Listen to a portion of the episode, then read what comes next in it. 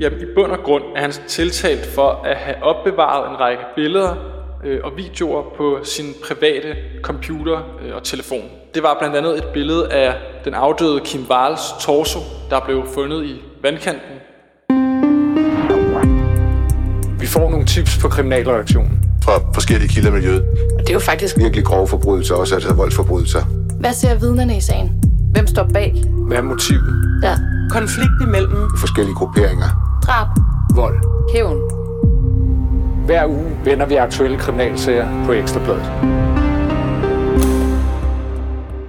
I en etageejendom af gule mursten kommer gerningsmænd i ly af natten og efterlader en dødsens farlig hilsen i opgangen.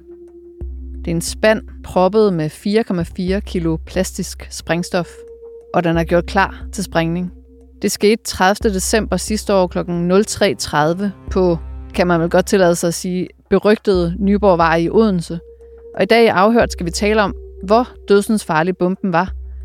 Senere så taler vi også om seneste nyt fra konflikten mellem Hells Angels og LTF, og om en politimand, der er tiltalt for at have haft billeder af blandt andet Kim Wals torso og en død mand i tierbordet i Københavns Zoo på sin private telefon.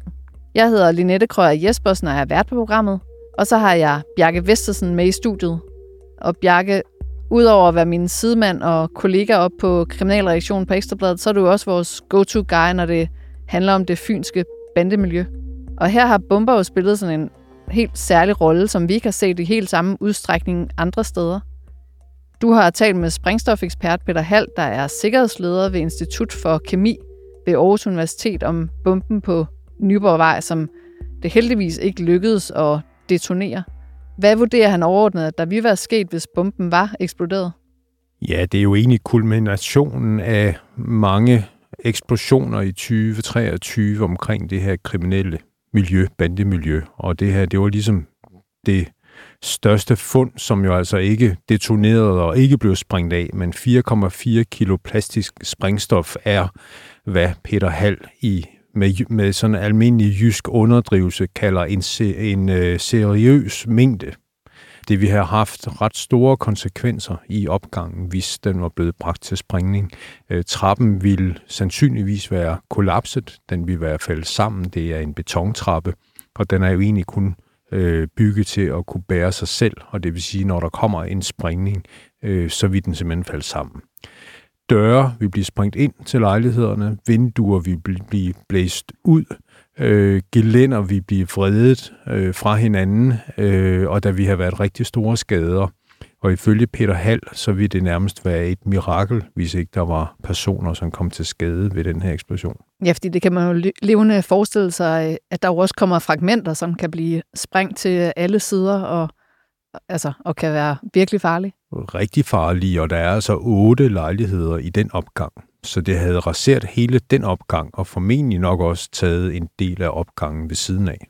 Ja, så midt om natten, hvor folk de ligger og sover, og jo ikke har nogen som, som helst anelse om, hvad der foregår. Det var dagen før nytårsaften, og øh, kl. 3.30, hvor fem personer bliver anholdt.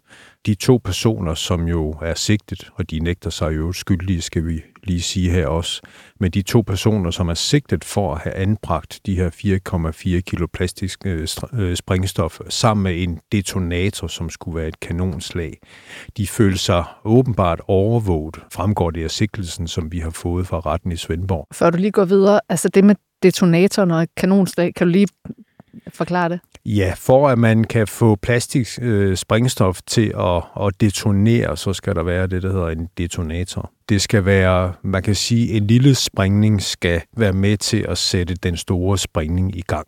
De har så tilsyneladende været så meget amatører, at de altså ikke har undersøgt, at et kanonslag ikke er nok til at detonere plastisk øh, sprængstof.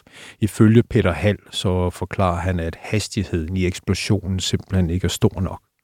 Og der skal man altså have en anden form for detonator til, lige præcis med plastisk øh, sprængstof, og, og få det til at øh, detonere. Der er en meget lille mulighed, siger Peter Hall, til at det kan lade sig gøre. Men, men det er en lille mulighed, så de har altså ikke rigtig gjort deres hjemmearbejde, selvom de jo har formået at fremskaffe 4,4 kilo plastisk øh, sprængstof.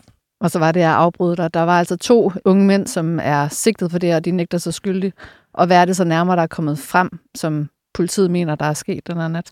Ja, det er jo, at de har øh, anbragt det her sprængstof i en spand sammen med et kanonslag, og da de så følte sig overvåget, øh, så flygtede de fra stedet, og øh, så kom politiet ret hurtigt til, fik fat i de to, plus tre mere, så der har faktisk været fem anholdte, og det de er sigtet for, det er, at de i forening med medgerningsmænd jo har anbragt det her plastiske sprængstof i den her opgang. De blev varetægtsfængslet nytårsaftens dags eftermiddag ved et lukket grundlovsforhør ved retten i Svendborg, så vi kender faktisk ikke deres forklaring på det.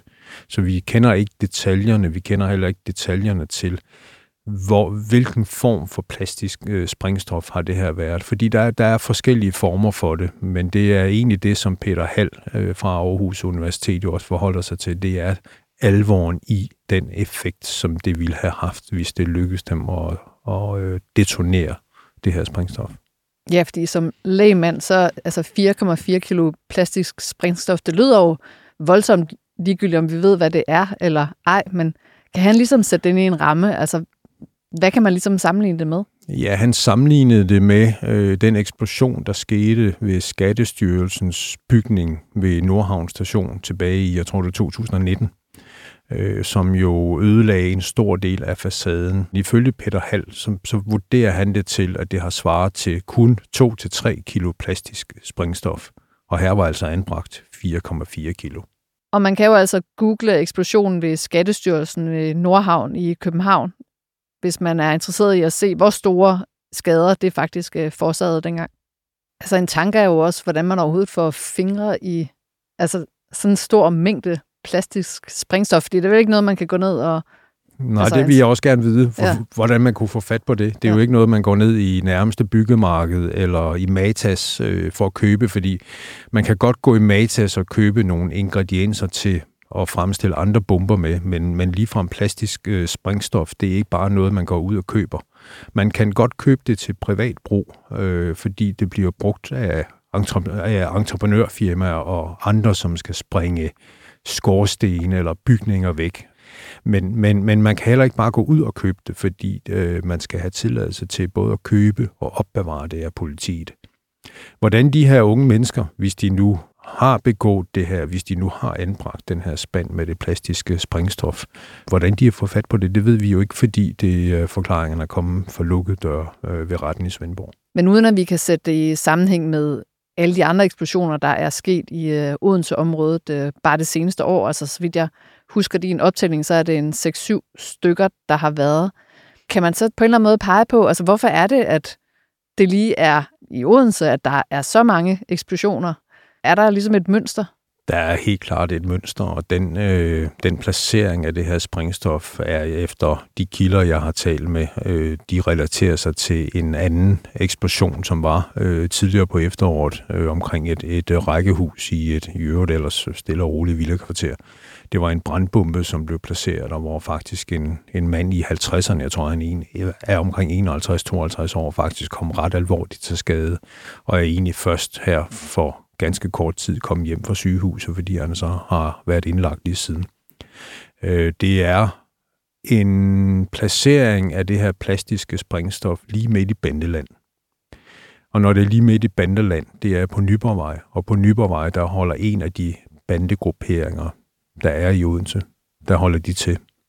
Det er den gruppering, der hedder NBV, en forkortelse for Nyborgvej, også kendt som Korsstykkegruppen, og som øh, faktisk øh, er øh, forbundet med en tidligere gadebande, en tidligere bandegruppering, som, øh, som hedder Black Army, og som øh, jo i adskillige år faktisk huserede i Odense og med afdelinger i ja, Herning, øh, Vejle, Aarhus, Næstved og nogle flere steder også. Øh, så de var rigtig gode til at organisere sig på det tidspunkt. Og den her springning skulle jo have fundet sted lige præcis midt i bandeland, midt i NBV-land. Men er det lykkedes dig at pejle dig ind på præcis, hvorfor den lige skulle være i den her boligblok? I stort set alle de eksplosioner, og det sidste her har jo så været et forsøg på en eksplosion, der har været i Odense 2023, har altid relateret sig til nogle konkrete sager, især inden for, inden for narkokriminalitet. Og der kan man så sige, at narkokriminalitet, bandekriminalitet kan nogle gange være det samme. Og øh, hvor det jo hidtil har været no-go at gå efter familiemedlemmer til kriminelle, så er det faktisk det, der er foregået i hele 2023, hvor, hvor man altså går efter øh, pårørende familiemedlemmer til nogen i det kriminelle miljø og bandemiljøet, og simpelthen går efter dem. Vi kan se på nogle af de tidligere eksplosioner i Odense. To eksplosioner ved en søster til en dømt kriminel, en anden eksplosion ved faren til en dømt kriminel. Og det er altså noget, som er gået igennem i alle de eksplosioner, som, som har været i Odense 2023. Og så må man bare konstatere, at det er udtryk for sådan en helt vanvittig kynisme, at man vælger at lægge en bombe i en boligblok, hvor der jo, ja, som du siger, altså måske er familiemedlemmer til bandemedlemmer, som jo i og for sig også er fuldstændig uskyldige mennesker, men jo også andre beboere, som ikke har noget som helst med det her at gøre. Det vi har haft helt uoverskuelige konsekvenser, hvis de her 4,4 kilo plastisk øh, sprængstof var blevet detoneret. Øh, det, som Peter Hall jo også undrer sig over, det er, den ene ting, det er, at man bruger et, et kanonslag som detonator, men noget andet, det er, at man kunne sagtens have delt de 4,4 kilo op i tre portioner og stadigvæk haft nogle ganske betragtelige, alvorlige øh, sprængninger ud af de tre. Så at anbringe 4,4 kilo et sted, i stedet for at dele det op og så kunne have det tre steder. Det siger måske også noget om, at det er folk, der ikke helt er klar over, hvad det er, de har med at gøre. Også i forhold til, at de så vælger at lægge det hele et sted i en opgang med risiko for, at rigtig mange helt almindelige beboere i ejendommen, i opgangen, i naboopgangen, altså kommer til skade ved det her. Meget kynisk. Så på den ene side virker det meget professionelt, på den anden side virker det også ret amatøragtigt. Ja, på den ene side netop, at de har kunne skaffe så meget plastisk øh, springstof, hvordan det så ender er, er gået for sig. Øh, det andet, det er, at de har ikke vidst, hvad de, til sydlænderne har de ikke vidst, hvad de har haft med at gøre, medmindre de har haft den intention, at de vil rydde hele opgangen.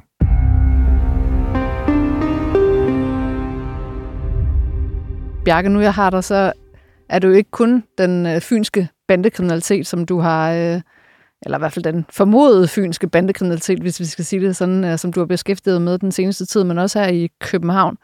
I den seneste episode af Afhørt, der øh, fortalte vores kollega Sune Fischer om, hvordan et skuddrab på Frederiksberg øh, trækker tråde til den aktuelle konflikt, der er mellem Hells Angels og den forbudte bande LTF. Og nu er det også blevet bekræftet, at der er den her kobling, eller Københavns politi i hvert fald ser den her kobling efter at de har indført øh, visitationszoner forskellige steder i hovedstadsområdet. Hvad fremgår der af baggrunden for visitationszonerne, som du jo har fået? Argumentet er jo, at der er den her konflikt imellem de to grupperinger, LTF og HA. Der er indført tre visitationszoner. Der har tidligere været to, øh, også som følge af den her, her konflikt. Af øh, det, som Københavns politi har vurderet, øh, det er, at øh, den ene gruppering, og det er jo så LTF, de holder til omkring Indre Nørrebro, og så et område omkring Amagerbro, omkring Holmbladsgade øh, på Amagerbro, øh, mens den anden gruppering, og det er så HA, de holder til omkring Nørrebro Nordvest og et område omkring øh, Husum. Og det er sådan set der, hvor politiet har ment, at der skulle indføres visit, den her visitationszone. Og hvorfor lige der? Fordi det er der, de holder til. Det er der, hvor man frygter, øh, at øh, nye angreb kan finde sted. Øh, det er sågar sådan, at øh, Københavns politi skriver, at yderligere voldelige angreb med størst sandsynlighed vil finde sted i zonerne. Og det er derfor, de har oprettet de her zoner, hvor de jo til hver en tid kan stoppe hvem som helst og visitere dem for, om de skulle have våben på sig, uden egentlig at have anden begrundelse, end at der er en, en konflikt kørende mellem de her to grupperinger. Vi har jo stået her i studiet og talt om, at Københavns politi bliver ved med at sige, at det er en, en aktiv konflikt, og vi har måske undret os lidt, fordi vi synes ikke rigtigt, at der havde været nogen episoder udover, altså øh, eksplosionen på Hells Angels øh, rockerborg derude. Nu får vi jo ligesom også øh, opridset, hvad der har været efterfølgende her i, i baggrunden. Og man kan jo altså høre mere omkring øh, de seneste eksempler på øh, konflikten mellem Hells Angels og LTF i afhørt øh, i fredags, det var den 19. Øh, januar. Og så er det jo altså også den konflikt, som I fortæller om i øh, den seneste sæson af Bandeland, som kører nu. Tak for det, Bjarke. Velbekomme. Og hvis du har lyst til at blive her, så øh, får vi nu besøg af vores kollega Albert Bastian Bøjsen, som skal fortælle om en lidt usædvanlig sag.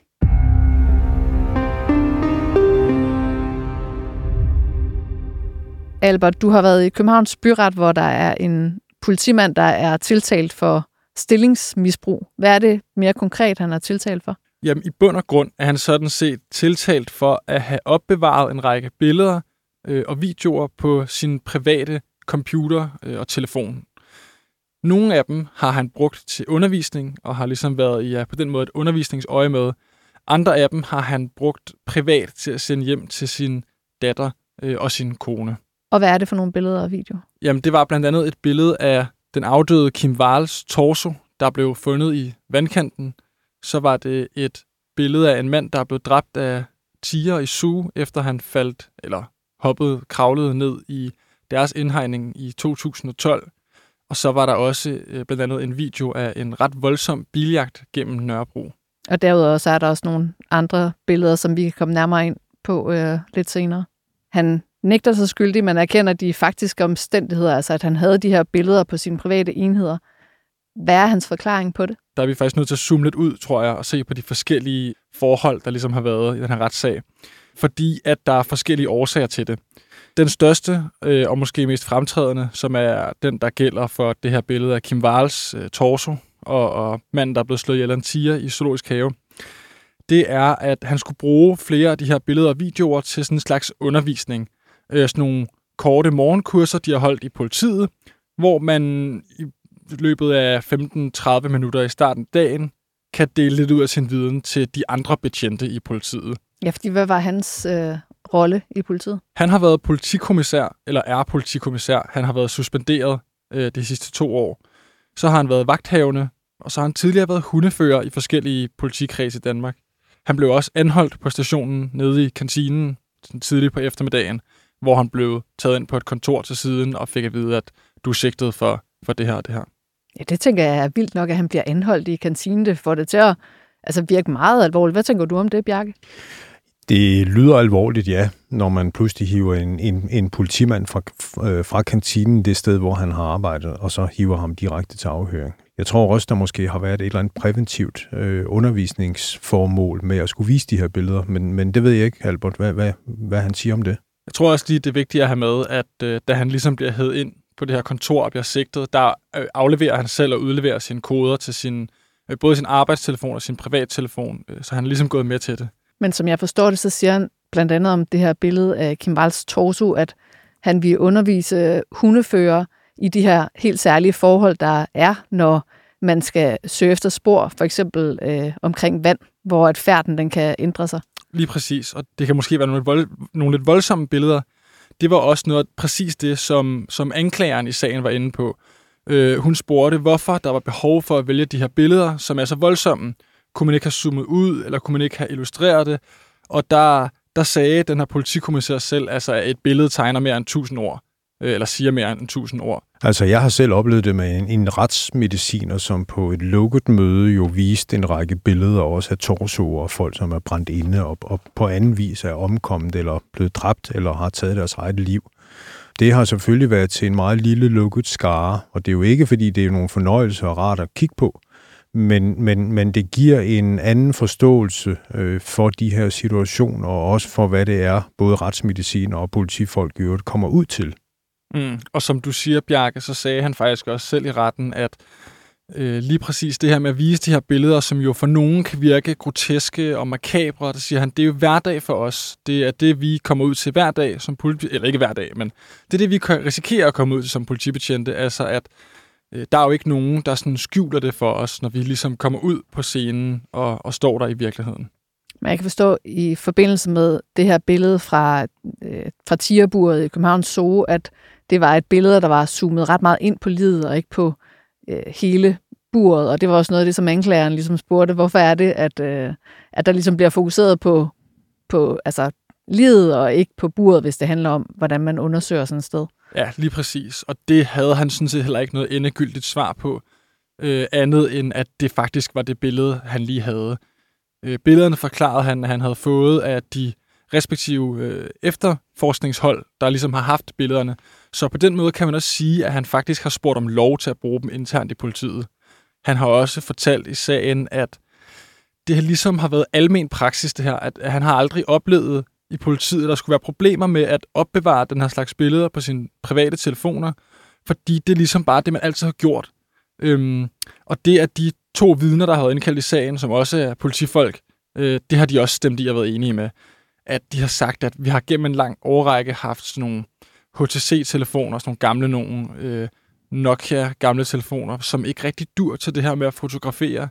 Og derfor har man altså brugt sine egne telefoner til det. Så gar skulle der have hængt øh, sådan opladerkabler til iPhones, altså privattelefoner, klar til at overføre til politiets systemer derinde. Har der været noget om, at de er blevet offentliggjort, sådan at, at du og jeg har kunne se dem?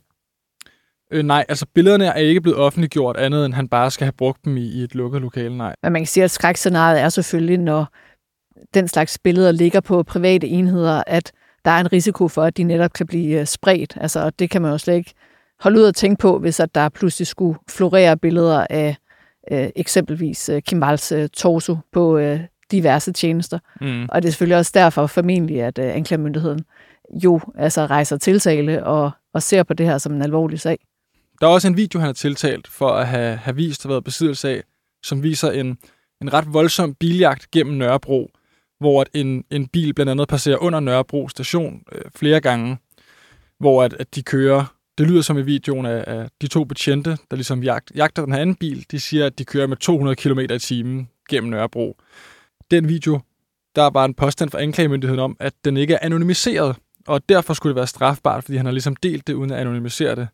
Hertil siger øh, tiltalte politikommissær, at han aldrig nogensinde har set materiale i politiet være anonymiseret sådan, altså i politiet, men at det altså bare ikke har været noget, man gjorde.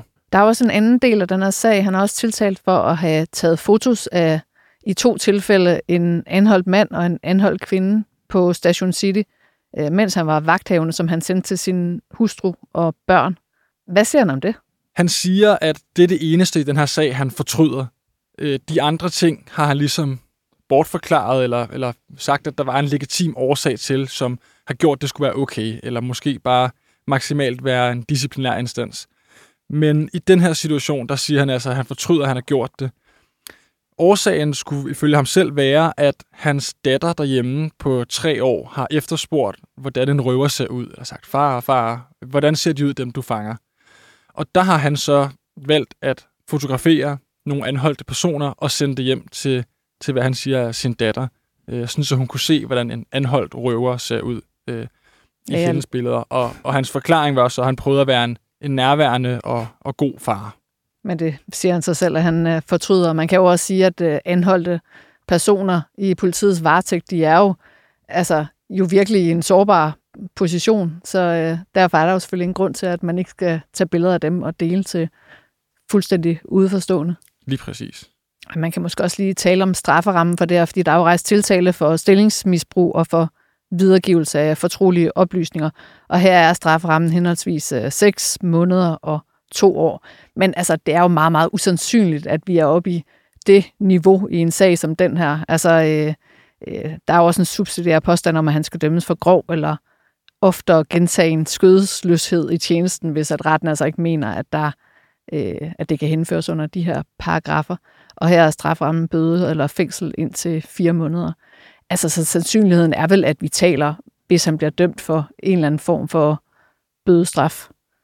Ja, og hans øh, forsvarsadvokat mente faktisk ikke engang, at det var altså, at grovhed nok til at være berammet af straffeloven, øh, det her, men at han faktisk bare skulle have en disciplinær, et lille smæk over fingrene måske. Altså, at det skulle være håndteret internt i politiet? Ja, præcis. Og så er det jo, som du siger, Albert, at der er dom den her tirsdag, øh, som øh, afhørt også bliver sendt ud, og man kan jo læse om dommen på ekstrabladet.dk, og måske, nu kigger jeg på Rasmus Søgaard, måske kan vi også skrive den ind i programnoten til det her afsnit. Og det var, hvad vi havde på programmet i Afhørt i dag. Øh, tak fordi du kom ind, øh, Bjarke Vestersen, og tak til dig, øh, Albert Bastian Bøjsen. Tak til Rasmus Søgaard, som producerer programmet, og tak til alle jer, som lytter med hver uge.